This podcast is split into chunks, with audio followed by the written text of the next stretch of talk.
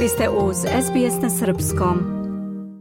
Burno u Crnoj Gori ponovo oko kadriranja u bezbjednostnom sektoru. Vlada Milojka Spajića razriječila je Nikolu Terzića sa pozicije vršioca dužnosti direktora uprave policije kako bi nesmetano mogla da se sprovede pravosnažna sudska odluka i na čelu Crnogorske policije ponovo bude direktor Zoran Brđanin.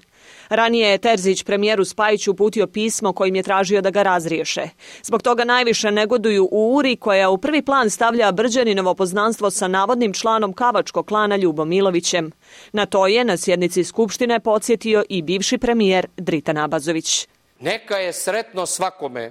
Ja ništa drugo nisam rekao, mene raduje, ja vidim, ja sam vidio davno gdje ovo ide. Umjesto da kolega Abazović kaže neka vam je sretan direktor Brđanin, bolje bi bilo da kaže neka vam je sretno poštovanje zakona.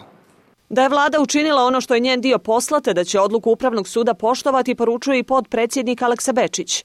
Negira da ima neslaganje između pokreta Evropa sad i demokrata povodom zbivanja u sektoru bezbjednosti, navodeći da su razmjene mišljenja normalna stvar, te da je u politici najvažnije da svako radi svoj posao. Gospodin Milović, ja se malo našalim, poznat kao čovjek od sloge što bi naš narod e, rekao, ali ja vjerujem da će svaki član vlade u narodnom periodu dati doprinos izgradnji partnerskih odnosa, kao što smo pokazali negdje i ovih 30 dana. Nakon svega, utorak Zoran Brđanin došao je uredno na posao i ponovo sjeo u fotelju prvog čovjeka policije nakon presude Upravnog suda i odluke partnera u vladi da je prihvate. No istog dana na sjednici odbora za bezbjednost usvojen je izvještaj o radu njegovog prethodnika Nikole Terzića, koga je postavila Abazovićeva vlada.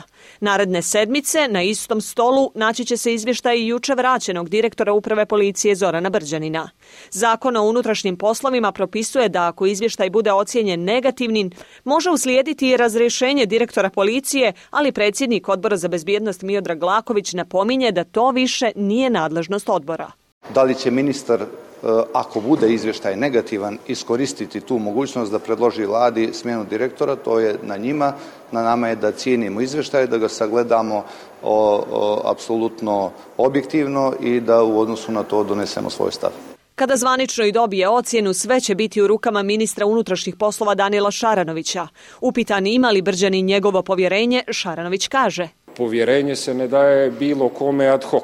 Dakle, povjerenje se ostvaruje predanim radom ovaj, a, i rezultatima. Ja do sada nisam privatnom životu ni u profesionalnom e, smislu imao e, saradnju sa gospodinom Brđaninom da bih mogao kazati da li je osoba za koju mogu da kažem da e, uživa moje povjerenje ili ne. Podsjećamo, Upravni sud je prošle sedmice po drugi put poništio odluku vlade Dritana Abazovića od 3. avgusta o razrješenju Brđanina, nakon čega je on formalno pravno ponovo na čelu policije. Odluku vlade da Brđanina vrati na posao pozdravio i njegov advokat Siniša Gazivoda. Iz Podgorice za SBS na Srpskom, Milica Delibašić. Želite da čujete još priča poput ove? Slušajte nas na Apple Podcast, Google Podcast, Spotify ili odakle god slušate podcast.